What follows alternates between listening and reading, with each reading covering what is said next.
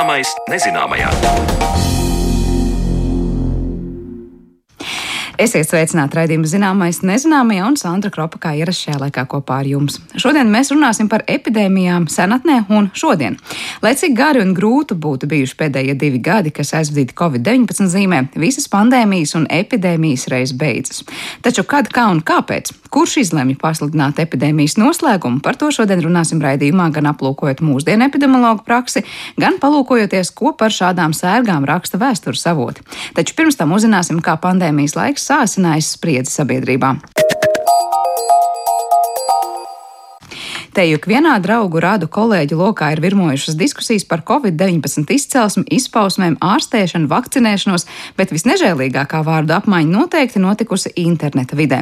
Vai ir pamats domāt, ka sabiedrība pandēmijas laikā kļuvusi agresīvāka un kāpēc tā par to vairāk interesējās Zāne Lāce Baltāksne? Agresija allaž bijusi interneta diskusijās un komentāru vietnēs kā viena no galvenajām reakcijām, kas ietver gan dusmas, gan aizvainojumu, netaisnības izjūtu sajūtu, riebumu un aizkaitinājumu. Covid pandēmija neapšaubāmi bija viens no spēcīgiem palaidēju mehānismiem agresijas izpausmēm interneta vidē. Rīgas Stradiņa universitātes pasniedzēji izveidoja digitālo pētniecības rīku - interneta agresivitātes indeksu, lai ar to noteiktu gan virtuālajā vidē sabiedrības nelāgā noskaņojuma izpausmes, gan arī pētīja, kādi jaunvārdi radās pandēmijas laikā. Par to stāsta Rīgas Stradiņa universitātes profesore un komunikācijas fakultātes dekāne Anna Rožukalne. Mums visiem likās, ka ir tik grūti un tiek meklēti vainīgie, bet īstenībā agresivitāte nebija augsta, it sevišķi pašā sākumā. Un arī otrajā periodā, teiksim, pagājušā gada otrajā pusē, kad gāja ļoti grūti Un bija ārkārtīgi liels grūtības, augsta saslimšana, bija milzīga, teiksim, arī tāda politizēta cīņa pret vakcināciju, pret zinātni, pret ierobežojumiem, nogurums, apnikums. Tad nedaudz pieauga komentētāja agresivitātes līmenis. Nu, mēs to interpretējam gan kā sabiedrības noskaņojumu, gan kā vēlēšanos ietekmēt galvenos notikumus, ietekmēt to diskusiju, kurā virzienā tā virzās, ietekmēt tos, kas ir iesaistīti diskusijā, viņus padzīt varbūt no diskusijas vai kaut kādā veidā parādīt viņus kā nepilnvērtīgus. Tā neapmierinātība pandēmijas laikā tiešām bija par pārmaiņām, ko radīja pandēmija. Tātad tieši vakcinācija, ierobežojumi, arī savstarpējas tādas grupas, kas grib iziet ielās vai atsevišķiem politiķiem pieslējušies. Un, jā, protams, arī agresīvi savā starpā ir šie komentētāji, bet tur ļoti ātri darbojas tā saucamā klusuma spirāle, ka tie, kas nepiekrīt, vai tie, kas piedāvā racionālu diskusiju un saka, bet paskatieties, ir jau tas un tas, tie ātri pamet Eh, to lauku, ļaujot teiksim, dusmīgajiem izpausties. Es saprotu, ka vairāk bija pandēmijas otrajā vilnī šī jā, eh, jā. sabiedrības polarizācija un agresivitāte, jo bija jau vakcīnas pieejamas, un tad bija cilvēki varēja izvēlēties. Ir grūti pateikt tieši. Vai tam saistība ar vakcīnām? Tur nav viens faktors. Cilvēki bija dusmīgi, vismaz pēc satura ka viss nenotiek tā, kā gribētos. Nu, pandēmija pati nebeidzas, un, un nav ļoti vienkārši risinājumi, ir sarežģīti. Pieaug arī nogurums. Teiksim, citā pētījumā mēs ļoti labi redzējām saikni. Mēs analizējām tātad, cilvēku noguruma no visas informācijas saistītas ar pandēmiju, kontekstā ar viņu spēju novērtēt nu, savu veselības uzvedību vai racionāli pieņemt lēmumus par veselību. Un cik bīstama ir konkrētā periodā pandēmijas gaita, un vai vajadzētu aizsargāties, vajadzētu pretoties teiksim, ierobežojumiem. Un to mēs skaidri konstatējām saikni starp cilvēkiem, kas mazāk novērtē riskus, negrib atzīt realitāti, negrib nu, teiksim, nopietni uztvert pandēmijas iespējamo ietekmi uz viņu un sabiedrības veselību, tad tie paši cilvēki arī parādīja, ka viņi ir vairāk noguruši no ziņām, ka viņi nesako vairs ziņām, ka viņi netic ziņām. Savukārt tie, kas aktīvi izmanto teiksim, informāciju, citiem stāsta jaunāko informāciju, arī viņi ar laiku nogura, bet viņi vienalga turpināja interesēties, sekot, izprast un vienlaikus arī reāli novērtēja pandēmijas risku. Tātad es pieļauju, ka daļa no agresivitātes, kas uzkrājās, varētu būt arī tas kopīgais sabiedrības nogurums, arī no ilgstoša stresa, no vienveidīgas un ļoti satraucošas informācijas, no tā, ka tās ir tik daudz. Un es pat esmu lasījis, ka mēs fiziski nogurstam, jo mūsu kognitīvās spējas vairs nevar tik ļoti daudz uztvert, un eh, ir vajadzīgs tik daudz enerģijas. Mēs varam redzēt, ka, jā, ka patiesībā centieni dot informāciju, cilvēks orientēt reizēm varbūt ir arī jāpārdomā, kā dot kaut kādu attēlu no tiem jaunumiem. Jā, bet es pieļauju, ka daļa no visa tā noguruma ne tikai ar ziņām saistītā, arī bija pie vainas agresivitātes pieaugumam. Komentāros, jo daļa cilvēku nu, neticēja, vai negribēja, vai vairs negribēja ticēt, ka tiešām tas viss, kas mums jādara, vai, vai kādā veidā jārīkojas, tas ir atbilstoši. Tad, jā, protams, tā tīmekļa vide brīvā bija nu, pateicīga, kurš šīs dusmas arī izpaust. Pirmajā pandēmijas periodā atsevišķi notikumi izraisīja īslaicīgu ziņu portālu komentētāju agresivitātes pieaugumu, bet otrajā periodā kopējais agresivitātes līmenis bija augstāks un ilglaicīgāks. Tā rāda veiktais pētījums. Un cita starpā Anna Rožukalne kopā ar kolēģi, valodnieci Diti Liepu, arī skatīja, kādi jaunvārdi ienāk mūsu leksikā. Lielākoties tie ir salikteņi ar vārdu covid vai korona. Korona ballīte, covid idiotija, covid sekta, covid rūķi, covid histērija, covidnieks, covid šovs. Un arī šie darinājumi parāda sabiedrības noskaņojumu interneta vidē. Par to turpina Anna Rožukalne. Pandēmijas laikā tie vārdi, kas tika lietoti, jo mūsu indeks mēra agresivitāti pēc vārdiem un izteikumiem, tos sverot pēc agresivitātes līmeņa. Tātad parasti lamu vārdi ir visvieglākie, tad ir tādi vidēji, kur kādu tur grib ierobežot vai viņu nosauc eh, rupjākos vārdos, un tad ir tādi vissmagākie, ir aktīvi. Uz agresivitāti aicināt kādu iznīcināt, kādu publiski pakārt laukumā, respektīvi vardarbīgi izteikumi. Un pandēmijas laikā pārsvarā bija vai nu viegli, agresīvi vai vidēji agresīvi vārdi. Un uh, nebija tāds niknums, kas grib iznīcināt to reālo vai iedomāto pretinieku.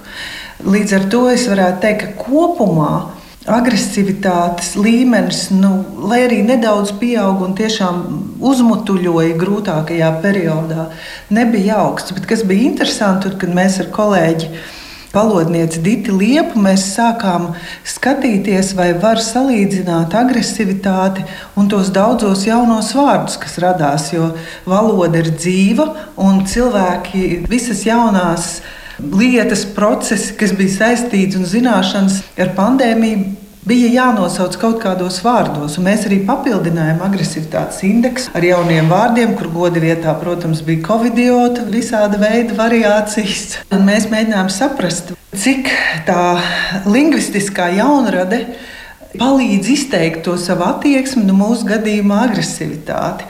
Pirmajā periodā Mums, eh, nu, protams, bija covid-iots un covid-šovs un covid-histērija, respektīvi tādi jaunie vārdi, salikteņi pārsvarā, kur cilvēki mēģina izteikt vai nu noniecinājumu pandēmijas nopietnībai vai kaut kādā veidā ironizēt par tiem, kas uh, uztver pandēmiju nopietni, jo tiešām agresīvi bija tie, kas neatzīst pandēmiju, zinātnī, vakcināciju, ka ierobežojumi vai maskas darbojas un tam līdzīgi.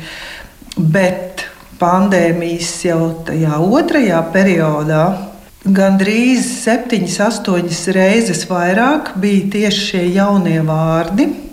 Ja sākumā bija Cilvēki mēģina arī neitrālā veidā izteikties kroņa vīrusu un kroņa pandēmiju un tam līdzīgi. Tad vēlāk sākās arī tādi rupjāki vārdi kā vakcīna un kakcīna un, un vēl vesela rinda dažādu vārdu, kuri tā tad mēģināja parādīt cilvēku attieksmi, bet diezgan daudz arī no jaunajiem vārdiem bija vienkārši tādi neitrāli salikteņi, kā covid slimnieki, covid pacienti, covid upuri, covid palāta. Un uh, mēs tiešām redzējām, ka pieaugot kopējai agresivitātei, biežāk tieši vārdi, un nu, mēs viņus likām lamu vārdu, tādu sakot, vieglo, agresīvo vārdu grupā, pieaug arī tie ar Covid pandēmiju saistītie jaunie vārdi. Bet kas bija interesanti, ka tad, kad tu paskaties, kas tieši to agresivitāti rada, tad uh, tie Covid vārdi bija nu, tā, lai izkrāšņotu savus izteikumus, bet niknums tomēr tika izteikts ar tiem pašiem vecajiem vārdiem, kur kādu vajag atlaist, sist un, un gānīt dažādos veidos. Uh, Tā kā nu, teiksim, arī mans kolēģis Dits Liepas secinājums, ka šie jaunie vārdi tiklīdz pazudīs nu, realitātē, tā aktualitāte pandēmijai arī pazudīs no mūsu valodas, kad nepaliks uz ilgiem laikiem. Un eh, tas mans savukārt secinājums par agresivitāti ir tas, ka tomēr cilvēki, pat tad, ja viņiem ir kādi jauni impulsi un jaunas problēmas, kas rada dusmas, kas tiek izpaustas tīmekļa vidē, ka tomēr tie parasti lietotie vārdi, mums ir, protams, simtiem šie vārdi, ko mēs analizējam arī kontekstā, mākslīgais intelekts tos ieliek, māk atšķirt. Bet jā, ka tomēr ir tas parastais agresivitātes līmenis, tomēr sabiedrībā tiek izteikts ar tādiem stabiliem vārdiem, stabiliem izteicieniem.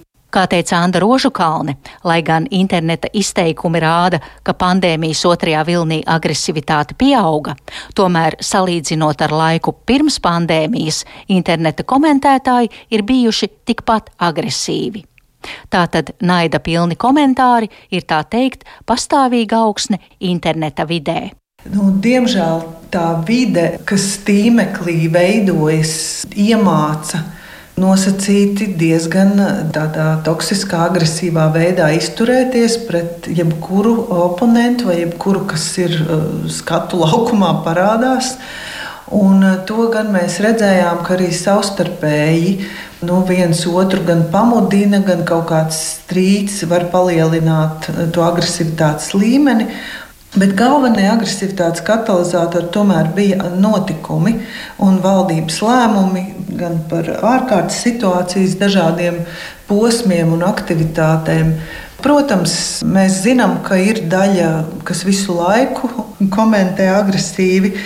Un tad ir tādi, kas nu, savukārt ir tēmas vai, vai dusmu brīži, kad pievienojas vai, vai iemācās kādā veidā reaģēt uz ārējo realitāte. Tā kā jā, tā verbāla agresivitāte, tieši, diemžēl, bet mēs neesam atšķirīgi. Arī citās valstīs ļoti daudz pētīts un parādīts, ka diemžēl diskusiju kvalitātei tas par labu nenāk, un arī tādai nu, cilvēku iesaistē diskusijās. Tik tālu par sabiedrības agresivitāti pandēmijā un pētījumiem, kas analizē agresivitātes indeksu, bet raidījuma turpmākajās minūtēs mēs pievēršamies būtiskam jautājumam, kurš kā un kad izlemj, ka epidēmija ir beigusies.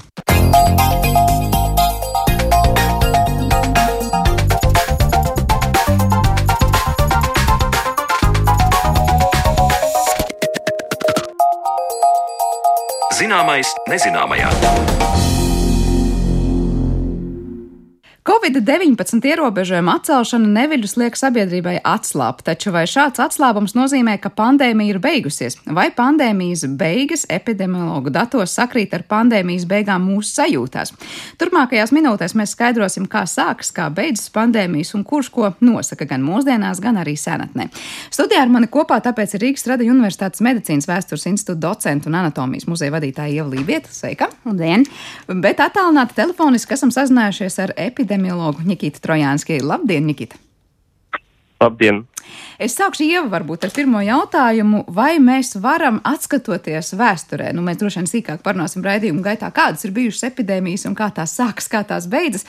Nu, mēs varam izdarīt kaut kādus tālajošākus secinājumus un teikt, nu, mēs mācīsimies, kā kuras epidēmijas ir sev pieteikušas, pēc tam atslābušas, un varam teikt, nu, cikliski jau viss atkārtojas.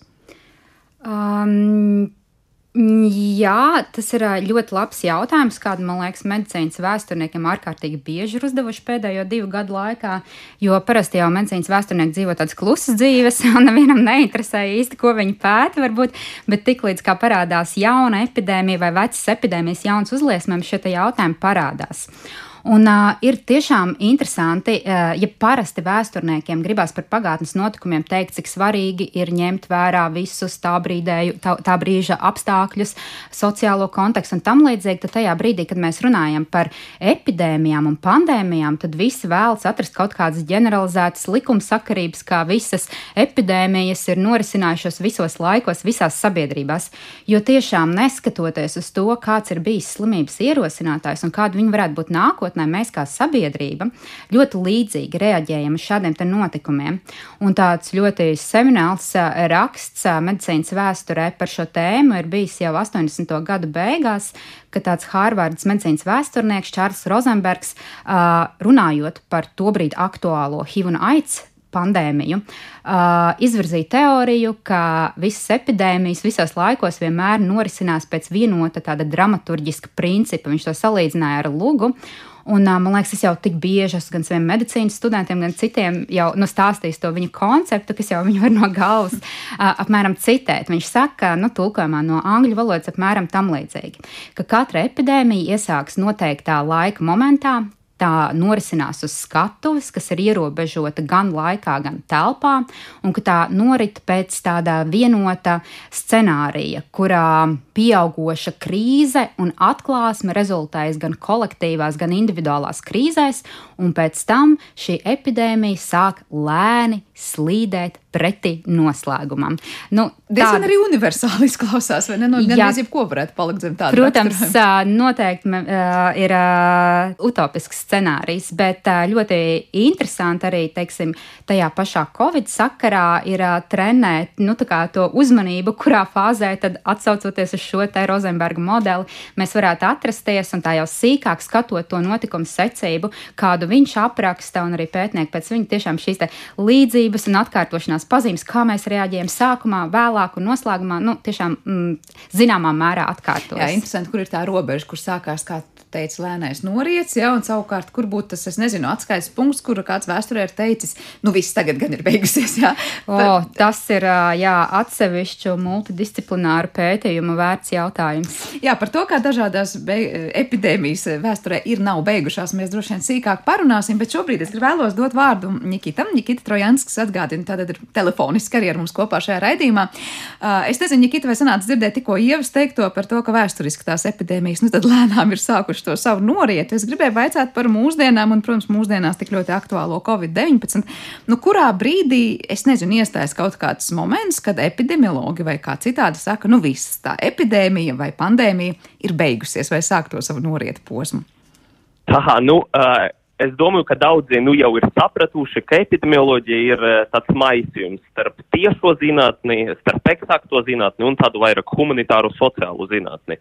Jo uh, Daudz kas ir atkarīgs tiešām no tādas matemātiskā veida, kā mēs aprakstām epidēmijas, bet arī cilvēku uzvedība ļoti ietekmē to, kā epidemiologi domā par epidēmiju. Un uh, viens no tādiem fundamentāliem epidemioloģijas uh, nezinu, uh, pamatiem kad mēs vispār izlemjam, ka kaut ko uzskatām par epidēmiju un ne, ir īstenībā vairāk no tādas humanitāras pasaules, jo nav nekādas definīcijas. Un katra un viena valsts var uzskatīt konkrētu uzliesmojumu par epidēmiju, bet cita valsts teiks, ne, tas ir lokāls uzliesmojums, un to par epidēmiju neuzskatām. Principā vietējie epidemiologi parasti izlemj, vai gadījumu skaits ir gana augsts, vai ir gana liels draudz, kā konkrēts uzliesmojums pārtaps par tādu uh, lielāku nacionāla mēroga uh, uzliesmojumu un tad uh, nodevē to par epidēmiju. Piemēram, šogad uh, SPKC, nu gripa laikam ir tā infekcija, kur ir vairāk nodefinēti tie kritēriji, Un šogad 17. martā SPKC paziņoja, ka ir sākusies Latvijā ir sākusies gripas epidēmija, jo vismaz viena administratīvā reģiona uh, gadījumu skaits uz 100 tūkstošiem iedzīvotājiem iedzīvotāju pārsniedza 100 gadījumus. Ja? Un tātad mēs to uzskatām par epidēmiju. Koronavīrusam vēl uh, šādu sliekšņu nav, un tiešām tas būs atkarīgs no tā, kā gan epidemiologi, gan sabiedrība uztvers vispār koronavīrusa draudu. Piemēram, viens no apsvērumiem, ja mēs tuvākajā nākotnē sāksim mazāk testēties pre, pret koronavīrusu, uh, tad mēs arī sliktāk varēsim nojaust, cik daudz gadījumu, un tad visticamāk mēs daudz novēlotāk paziņosim, ka Latvija ir atsācies jauns koronavīrusa vilnis. Bet tas, vai šie simts gadījumi uz simts tūkstošu iedzīvotājiem gripas gadījumā vai covid gadījumā, es saprotu, tas skaitlis būtu citādāks, e, lielā mērā ir atkarīgs no paša tā e, saslimšanas gaitas vai tā, cik ļoti bīstams ir konkrētais vīrus. Nu, proti, nebūs tā, ka gan gripai, gan covidam būs vien un tie paši skaitļi, ja kāds skaits punkts ir vai nav pandēmija. Nē, nē, pavisam noteikti katra slimības gadījuma tas būtu citādāk, un, teiksim, ja Latvijā tiktu konstatēts uh, viens poliomielītā gadījums, tad mēs arī paziņotu visticamāk, ka Latvijā, nu, es domāju, pie varbūt diviem, trīs gadījumiem, ka ir sākusies epidēmija, jo nu skaidrs, ka poliomielīta atgriešanās nozīmētu daudz lielāku draudu sabiedrības veselībai nekā divi, trīs gadījumi koronavīrusa, kurš jau tā starp mums cirkulē, un mēs nesagaidām, ka tas tuvākajā nākotnē pazudīs. E, es par to tuvāko un tālāko nākotni vēl Covid e, sakarā gribēju pavaicāt, nu, kā no, tas nozīmē, ka vīrus tā kā pamazām pāriet tādā vai nu sezonālā rakstura, es nezinu, saslimšanā vai kā citādi. Proti, mēs varam teikt, ka nekur nepazudīs pavisam, bet sevi pieteiks, nu, vieglākā fāzē vai vieglākās, es nezinu, devās, un mēs to vairāk sajutīsim kā tādu sezonālu gripu, vai, nu, cik daudz ir zināms par to, kā kā Covid mainīsies laika gaitā? Ļoti maz ir zināms, tāpēc ka ļoti daudz kas ir atkarīgs no vīrusa evolūcijas. Un Lielbritānija, Latvija, Eiropas Savienība šobrīd strādā ar un gatavojas vairākiem attīstības scenārijiem. Pirmais scenārijs ir, ka tāds vismiermīlīgākais, kā rudenī mums būs ļoti viegls vilnis, kas būs Uh, gadījumu skaita ziņa salīdzināms ar deltas vilni pagājušā gada rudenī, bet maiguma ziņa būtu salīdzināms ar omikrona vilni uh, februāri, janvāri. Uh, bet tas ir tāds optimistisks scenārijs, pieņemot, ka vīrus neattīstīs savu jaunu paveidu, kas uh, būs vēl lipīgāks un uh, navējošāks. Un gadījumi, ja tas izpildīsies, tad, protams, uh, būs gan vairāk gadījumu, gan arī cilvēku slimnīcas būs vairāk kas atkal novedīs pie, varētu novest pie slimnīcu pārslodes, un tāpēc uh, atkarība no scenārija ir jāpielāgo visi citi saistīti procesi, kā piemēram vakcinācija, slimnīcu gultu gatavošana un tā tālāk. Un šobrīd neviens jums nevar pateikt, kurš no šiem scenārijiem izpildīsies. Jā, tad, mēs varam šobrīd tikai gaidīt, kas notiks, bet tad, tad liekot punktiņus uz zīmu mūsu sarunai, sanāk tā, ka nu, tiek ņemti vērā tādi faktori kā saslimšanu skaits uz 100 tūkstošiem iedzīvotāju. Katrai tad, tad slimībai tas ir savs noteikts, un mēs skatāmies kopīgi, vai tas ir vairāk tā kā lokāls izpausums vai, vai reģionāls izpausums, un tad nu, katra valsts var pati teikt, mums tā vēl joprojām ir epidēmija vai nav epidēmija. Es pareizi sapratu. Tieši tā, un tur vēl parādās interesants jautājums par to, kas ir pandēmija, kura brīdi paziņo par pandēmiju, un šeit arī nav nekādas definīcijas, bet Pasaules veselības organizācija ir tāds rīks, uh, viņi var paziņot par publiskā veselības sabiedrības drauda, to sauc par, nu tā ir tāda speciāla deklarācija, ko viņi izsludina, un pagaidām 21. gadsimta viņi to ir izdarījuši piecas reizes, bet pandēmija mums ir bijis, teiksim tā, vairāk. Nu, tas nozīmē, ka arī nav ciešas korelācijas un dažreiz pandēmija notiek, bet it kā pasaule vēl par to uh, nav vienisprātis. Jā, proti, citi notikumi arī var aizēnot. Es domāju, arī mūsdienu šī brīža situācijā karš Ukrainā nenoliedzam daudz galvās lika izdzēst vispār idejas par pandēmiju, lai gan vīrus nekur nepazud. Nikita, liels paldies par šo komentāru. Es atgādināšu, ka mēs dzirdējām epidemiologu Nikitu Trojānski telefoniski pievienojamies mūsu sarunai. Es tālāk sarunu turpinu šeit studijā ar Ievu Lībiet. Jau, jā, nu dzirdējām to, kurā brīdī konkrēti skaitļi konkrētai slimībai. Tā tad ir tie, kas varbūt pasaka, nu kas tad īsti notiek. Bet Bet kā ir bijis eh, ar citām, nu, domāju, saslimšanām, domāju, nu, kaut vai ļaunākā tur mēra epidēmija un vēl kaut kas, nu, nekas nav bijis mūžīgs. Mēs vienmēr sakām, tās kaut kad beidzās. Ir mums tādas galvenās epidēmijas, ja tā var teikt, no kurām mēs tā kā vairāk es nezinu, vai vārds ir mācāmies, bet nu, tā kā salīdzinām tās situācijas, pret kurām. Mm, tur ir. Man liekas, jāsaprot, ko mēs jāvienojas ar to, nu, ko mēs saprotam ar vārdu beigas. Uh, jo, ja mēs runājam tādā bioloģiskā nozīmē nu, par beigām, brīdi, kad uh, nav vairs saslimšanas gadījumu nekur pasaulē, vai kāda slimība ir pavisam un absolūti iznīdēta, nu, tāda jau patiesībā mums vēsturē ir tikai viena. Tās ir melnās bakas, kuras ir eradikēts, jeb absolūti iznīcināts no pasaules. Bet tas, ko mēs šodien mēģinām jautāt Nikitam vai sev, tas, ko mēs prasām saviem, nezinu, valdības locekļiem, ko mēs prasām Pasaules veselības organizācijai, ka mēs jautājam, kad tas vienreiz beigsies, mēs jau nejautājam, kad beigsies pats pēdējais Covid gadījums Latvijā vai pasaulē, mēs jau jautājam, kad beigsies šis, nu, nu, nosacīti sociālā pandēmija. Šie visi, tas satraukums un mūsu rīcības un regulas, kuras ir radītas tāpēc, lai mēs spētu cīnīties ar to bioloģisko realitāti. Nu, šādās sociālās pandēmijas nozīmē, protams, ka pandēmijas un epidēmijas ir beigušās. Visas tās, kas ir bijušas, mēs šobrīd vairāk netaisam paniku par mēri, eh, nu, mēs šeit, eh, Latvijā, Jā. vai par malāriju, vai, nezinu, pēdējā laikā arī vairs nav daudz dzirdēts par HIV un aids vai tuberkulozi. Tas ir vienkārši tādas slimības, kas kādreiz ir radījušas milzīgas milzīgas problēmas daudz kur pasaulē un bijušas epidēmijas un pandēmijas, bet šobrīd mēs esam tās slimības iekļāvuši savā ikdienas dzīvē, ka kā slimības, ar kurām mēs, protams, mākam sadzīvot un kuras mēs mākam kontrolēt. Ja mēs skatāmies medicīnas vēsturē, man liekas, ir jāsaka to, ka ārkārtīgi maz kas ir zināms par uh, vispār epidēmiju beigām. Mēs jau uh, dzirdējām arī no Nikitas Trojānska, ka nu, tas ir, un man liekas, viņš teica kaut kā līdzīgi, ka tā ir tāda tā kā vienošanās starp skaitļiem un, un, un, un starp sabiedrību. Nu, tas šīs epidēmija beigas. Un tāpēc viņas arī medicīnas vēsturē, skatoties atpakaļ, ir nu, diezgan grūti noķert un notvert un vispār saprast, kurā brīdī šīs epidēmijas ir beigušās. Bet tad sanāk tā, nu, piemēram, ja šobrīd joprojām, nu, kaut vai par to pašu covid runājot, tās, nu, nevis būtu tā omikrona izpausmes, nu, salīdzinoši vieglās, kā mēs jau dzirdējām un arī daudz zinājām, ja, bet būtu tiešām, nu, daudz, daudz, daudz smagāk tā slimības gaita, nu, lai cik ļoti nogurus būs sabiedrība no dažādiem ierobežojumiem, mēs jau droši vien nevarētu vienkārši tā vienā dienā pateikt, nē, nu, tomēr tā epidēmija beidzās, jo mums apnika tik ilgi dzīvo tādos nosacījumos. Nu, ja mēs runājam tiešām par, nu, slimību, kas, nu, teju katru katru inficēto skartu nu, nāvējoši.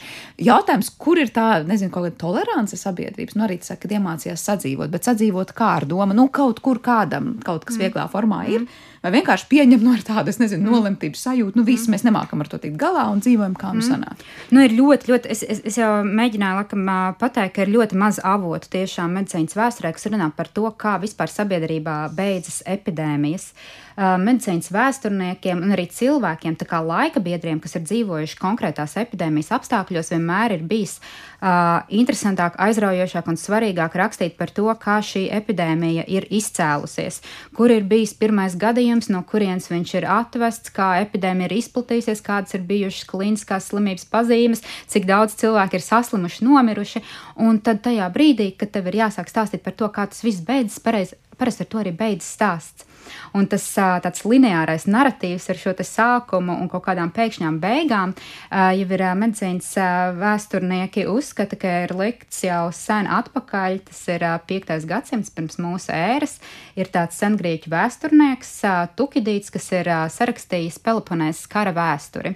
Un viņš ir licis tā kā tādu, man liekas, pamatu visam, kāpēc tam cēlāk jau nākotnē visi rakstītāji ir rakstījuši par epidēmijām. Viņš stāsta par karu, kas notiek mm, starp Spartu un starp Atēnām. Spartieši ir aplenkuši Atēnas, un uh, viņš raksta tur ilgi par to, kāds karš attīstās. Un tad vienā brīdī viņš sāk rakstīt par to, ka ir izcēlusies uh, epidēmija. To viņš pats sauc par mēri, kas tas īsti ierosinātājs šodien, nu, tur medicīnas vēsturnieki vēl aizvien strīdās, un pie katras jaunās slimības kāds atkal piesauc to seno mēri, ka varbūt tas bija tas ierosinātājs. Un, uh, viņš apraksta detalizēti, uh, kādas ir slimību pazīmes uh, saslimšiem cilvēkiem. Viņš liek pamatus tādiem mītiem, kas pēc tam atkārtojas cauri gadsimtiem, nu, ka ir svešinieki, spartieši saindējuši akas. Viņš apraksta, kādas sociālās kārtības izmaiņas notiek, kā cilvēki vairs nerespektē viens otru un likumus, kā tuvinieki pamet savus sasirgušos tuviniekus, kā cilvēki mēģina bēgt, kāds rodas naids pret svešiniekiem, pret tiem, kas nāk iekšā. Nu, principā viņš apraksta visu to klasisko epidēmiju, kādu mēs pēc tam jau tālāk arī mā, esam uh, lasījuši citos darbos. Un vienkārši vienā brīdī viņš pārstāja par to rakstīt un atgriežas pilnīgi bez nekāda noslēguma, bez ne tā, ka tur ir kritušies, varbūt saslimušo skaits vai kaut kas ir mazinājies, viņš vienkārši sāk turpināt rakstīt par karu, kuru pirms tam bija pārtraucis mēris. Absolūti bez noslēguma. Un tas ir tāds, es nezinu, man liekas, tāds paraugu piemērs par to, kā visbiežāk cilvēki ir uztvēruši epidēmijas. Jo pēc definīcijas epidēmija ir saslimstības skaita palielināšanās virs normas, un tātad mēs arī uz to koncentrējamies, uz to pīķi, gan šodien, gan arī vēsturē. Un tas, kas ir tas beigu process, tas ir daudz jau neskaidrs. Bet vairāk ar tādu domu, kad likās, nu vairs nav tik būtiski, ja vairs nav tik bīstami. Tā ir tā sajūta, mm. kas ir gan vēsturiski bijusi visticamāk arī, es nezinu, kaut vai senās Grieķijas mm. laikā, ja, ka sajūta, nu labi, nu tad esam atpakaļ pie normas, pievēršamies mm. karam. Mm. Un, diemžēl, šodien mēs atkal skatāmies, uh, sev pieteicis karš vai ne, un daudz cilvēku galvās, man liekas, tieši 24. februārī Covid beidzās. Nu, ja pēc sajūtām. Es, runā. es pilnīgi piekrītu, jā, un tas beidzās tā kā sajūtās, un, un, un tas beidzās arī, nu, mēdījos, arī teiksim, tas, uz, uz ko mums parasti lika uzsver. Tagad man ļoti interesē, kāda ir saslimstība un kādi, e, cik daudz ir, nezinu, varbūt mirušie un kā tā slimība attīstās, bet tagad tas ir jāmeklē. Tas vairs man nerādās manu ziņu pirmajā lapā, kad es atveru un ieeju kaut kādā savā portālā, kurā es šīs ziņas skatos. Jā, es tam tādā ziņā piekrītu. Un par šo jautājumu, par šo sarežģīto jautājumu, par to, kā epidēmijas ir jebkad beigušās vēsturē, Uh, ir interesanti, ka pagājušā gadā Oksfordas Universitātē tur ir tāds uh, medicīnas zinātnes un tehnoloģija vēstures institūts. Uh, viņi izveido tādu milz, diezgan lielu starpdisciplināru un starptautisku darba grupu. Pārsvarā tur bija vēsturnieki, bet tur bija pieaicināti arī epidemiologi, statistikas speciālisti, filozofi. Nu, tieši par to runāt par to, kā beidzas epidēmijas un kā tās ir beigušās, beigušās vēsturēm. Un, nu, jā, un tas viņu slēdziens bija tāds, principā, ka tas ir jautājums, par kuru neviens līdz šim īpaši daudz nav interesējies. Varbūt runājot par mēra otro pandēmiju, tur ir vairāk šie pētījumi. Mēs varam arī par to nedaudz parunāt, par to, kā tas, tas ir beidzies, bet tas nu, kopējais slēdziens jau pie kā viņi šo starpdisciplināro sarunu un pētījumu gaitā nonāca, nu, ir tādi vairāki vispārīgi secinājumi par vēsturiskām epidēmijām, kā viņas ir noslēgšās. Nu, pirmais, uh, un varbūt tas, ko mēs ļoti negribētu dzirdēt, ir, ka tās nekad nebeidzas pēkšņi. Nu, nekad viņas nebeidzas vienā laika momentā. Tas vienmēr ir bijis ilgstošs process. Nu, patiesībā, jau kā es minēju, bioloģiski un strikti ņemot tikai viena epidēmija, kad ir beigusies, un tās ir melnās bakas, jo pārējās vienā kaut vai kur, citā līmenī, ir, ja? kaut kur, kaut kādās sabiedrībās, kaut kādā līmenī, kaut kādā laikā mēdz atkal parādīties. Un tās mēs parasti dēvējam par tām endēmiskām arī slimībām.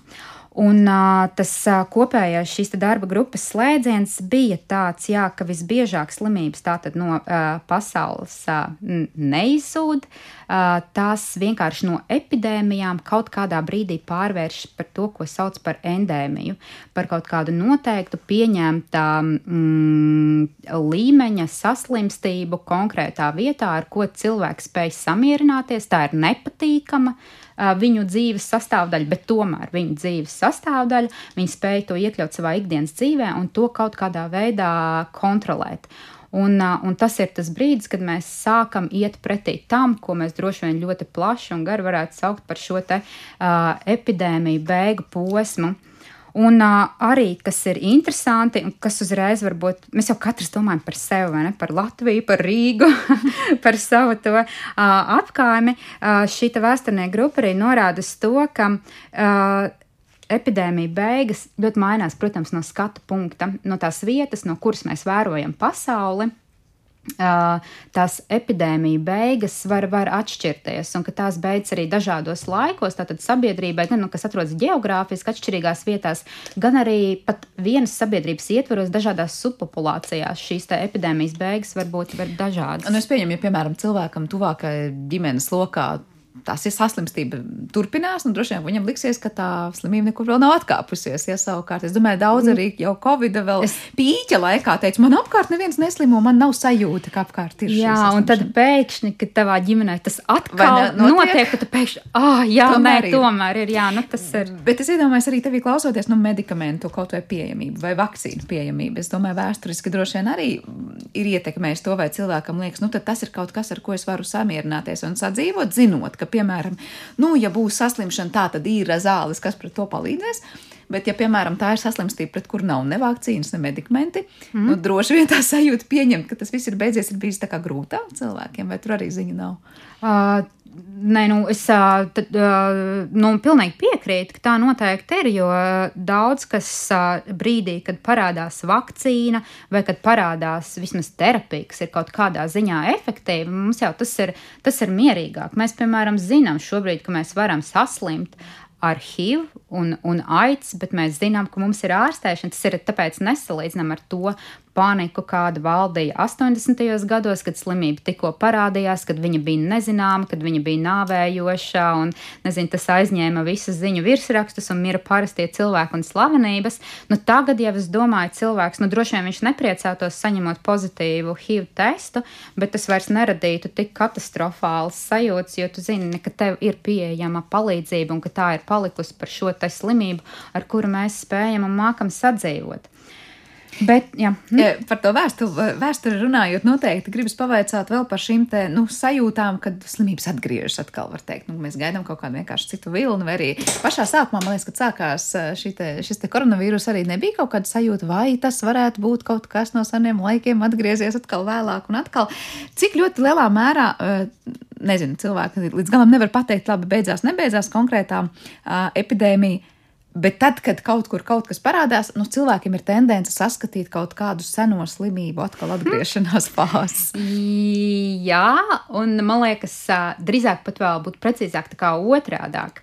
Jo, piemēram, es jau pieminēju šo te tukidīdu aprakstīto Atēnu mēri, nu, tas ir uh, kaut kas tāds, par ko uh, mums ir saglabājies tas klīniskais apraksts, diezgan precīzs, bet, nu, protams, nav vispār nekādā veidā skaidrs, kas tā ir bijis par slimību, un nav iespēju visticamāk, vismaz šobrīd ar visiem tiem, nezinu, paleoģenētikas vai paleomikrobioloģijas rīkiem noskaidrot, kas tā slimība varētu būt bijusi, un tas nav izdevies.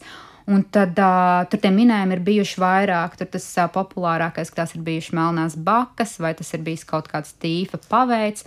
Bet katru reizi, kad nāk droši vien jaunā slimība, tad atkal agrāk vai vēlāk uzrādās kāds, kurš saka, vai tik šī slimība, piemēram, nu, klasisks piemērs ar ebolu, vai tik tā toreiz nebūs bijusi arī tā tukidīda aprakstītā mēra galvenais uh, ierosinātājs. Nu, jā, tā vēlme uzstādīt retrospektīvu diagnozi diagnoze kaut kādiem tāliem pagātnes notikumiem, tā gan ir, ir vērojama īpaši, īpaši mm, vēsturnieku starpā kas ir ar kaut kādu medicīnas izglītību. Ar ko tas varētu būt saistīts ar to, ka vienkārši mums ir tendence kā cilvēkiem meklēt to kaut ko zināmo tajā brīdī, tad, kad mums apkārt ir daudz nezināmo, un mēs tiešām nezinām, no kurienes šī konkrētā saslimšana vai kā. Vai tas rada kaut kādu drošības sajūtu, ka mēs labāk spēsim prognozēt tās, mm. es nezinu, slimības tālāko gaitu. Es nezinu, nu, tur, man liekas, ka tajā piemērā ar tukadīdu mēri tas ir, nu, vienkārši es gribu būt tas, kurš pasaka, beidzot atrisināt šo noslēpumu. Es jau ļoti labi saprotu to kārdinājumu. Man jau pašai arī ir bijis, ka tu lasi kaut kādus tekstus, nu ne par senās Grieķijas laikiem, bet es nezinu, kaut vai 19. gadsimta slimību apraksts vai kaut kāds agrīns 20. gadsimts, kur kāds kaut ko ir aprakstījis. Vai, uh, un, un, un tad tu mēģini, kā, ko tad tas bija domājis, kā tad mēs to slimību saukt šodien. Bet nu, tā skatoties no medicīnas vēstures, kā disciplīnas nozīmes, tas jau būtībā, kas bija tukidīda aprakstītā mēra ierosinātais, nav vispār nu, būtiski. Uh, būtiski jau man man liekas, ir medicīnas vēsturniekam jau vairāk interesē nevis tā bioloģiskā uh, substance, jebkurai epidēmijai vai pandēmijai, bet tieši tā sociālā, kā mēs kā sabiedrības to reaģējam un, un kā tas izmaina mūsu dzīves. Vēsturiski, varbūt skatoties no medicīnas vēstures, kurš ir tas laiks, varbūt ir interesantākais par pētījumiem, ja runājam, vai kā citādi, kur ir nu, vēlme izzināt, vai ir tā sajūta, oh, tas ir īstais laiks, ka vai nu bija ļoti daudz epidēmiju, vai tās bija izteikti garas un grūtas, vai savukārt, kad cilvēki nu, to sociālo pandēmiju varbūt pieņēma vairāk ar tādu, nu, nezinu, vieglu prātību, vai kā citādi teikt, ai, nu labi, mēs jau kaut kā tiksim galā, nav tik, nav tik sarežģīti, nav tik bīstami, nav tik biedējoši. Hmm. Vai mēs varam teikt, ka, nezinu, nu, tuvāk mūsdienām, jo vairāk mums tā sociālā pandēmija bija tāda otršķirīga, varbūt, ka mēs domājam, nu, nav tik būtiski, nu, kas ar to bioloģiju man liekas, notiek. Tas, kas, um, tas, kas mainās, tuvojoties mūsdienām, ka kaut kādā brīdī parādās, varbūt mēs jau šodien redzam nepārāk tāds pamatots optimisms vai tāds cilvēka lepnums, ka mūsu zinātne, medicīna un mūsu zināšanas progresē, un mēs atrodam daudzus rīkus, kā cīnīties. Nu, tie, tas ir 19. gadsimts, kad um, uh, parādās principā mikrobioloģija kā zinātne. 19. gadsimta principā otra puse. Uh, cilvēki beidzot, nu, pēc tam visiem ilgajiem laikiem, sākot no tukidīda mēra līdz pat uh, holēras epidēmijām, 19. gadsimtā beidzot ir tas zinātniskais pamatojums un apraksts, kā izplatās un kas ierosina infekcijas slimības. Jo līdz tam cilvēkiem jau nav skaidrs, nu, ir skaidrs, ka tas ir kaut kas lipīgs. Katrs apzinās, ja tu ilgi sēdi kopā vienā telpā ar kādu, kuram ir mēris, tad tev arī diezgan liels risks ir to saslimt. Nu, tā vulgarizējot. Bet, um, no 19. gadsimta vidus un uz priekšu, jau saproti, o, oh, tas ir mikrobs, tā ir pilnīgi jauna vispār kā, koncepts par to, kas ir slimība. Tas ir kaut kas no āras, kas ienāk tevī iekšā un izraisa šo saslimšanu.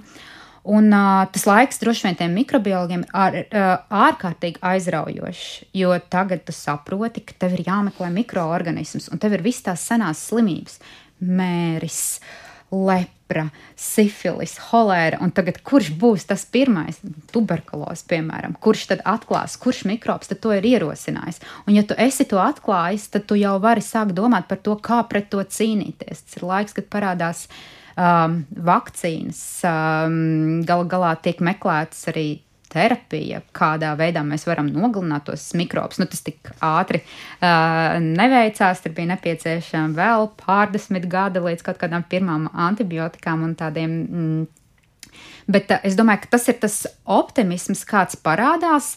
Uh, ar domu, ka mēs visi turpināsim tikpat labi, turpināsim attīstīties un ražosim zāles un vakcīnas, un infekcijas slimības neeksistēs vispār. Un, uh, tas ir tas, man liekas, tas uh, superpozitīvisms bija kaut kur ap 20. gadsimta 70. gadiem, kad tiešām valdīja uzskats, nu labi, kaut kad jau kaut kur parādīsies kaut kādas slimības, bet nu, tas vairs nekad nebūs tādos mērogos, kā kaut kad man iepriekš. Pirms Covid bija tās jā. domas, ka nu taču pandēmijas ir uzvarētas. jā, bet, uh, nu jā, Covid tagad ir tas, kur mēs dzīvojam, bet nu, pamazām jau cilvēki sāka kļūt skeptiskāki. Ja 70. gada beigās tur parādījās leģionāra slimība, tad parādījās HIV, aids, tad tomēr bija ebola, tad bija sārsi, mersi. Vispēc kārtas bija skaidrs, ka tās slimības parādās no jaunas un viņas kaut, kur, kaut kā mūs apdraud. Bet tā, nu jā, tāds. Uh, milzu visaptverošais notikums. Tas ir jā, tas, kurā mēs, mēs šobrīd dzīvojam. Jo viss pārējās tās nu, tā no jauna uzrodošās infekcijas slimības jau bija tomēr izdevies um, ar visiem starptautiskiem spēkiem un Pasaules veselības organizācijas darbību tomēr nu, apturēt uh, un, un viņas neizplatās līdz tādam jā, līmenim, kā kā, kā šodien. Noslēdzot šo sarunu, mēs te iesākām ar to, ka arī vēsturiski nu, ir ļoti grūti ieraudzīt, kad beidzas tās epidēmijas un varbūt kur ir tas atskaites punkts. Vai šobrīd medicīnas vēsturniekiem ir īstais brīdis, es nezinu, ķerties pie darba un fiksēt un skatīt.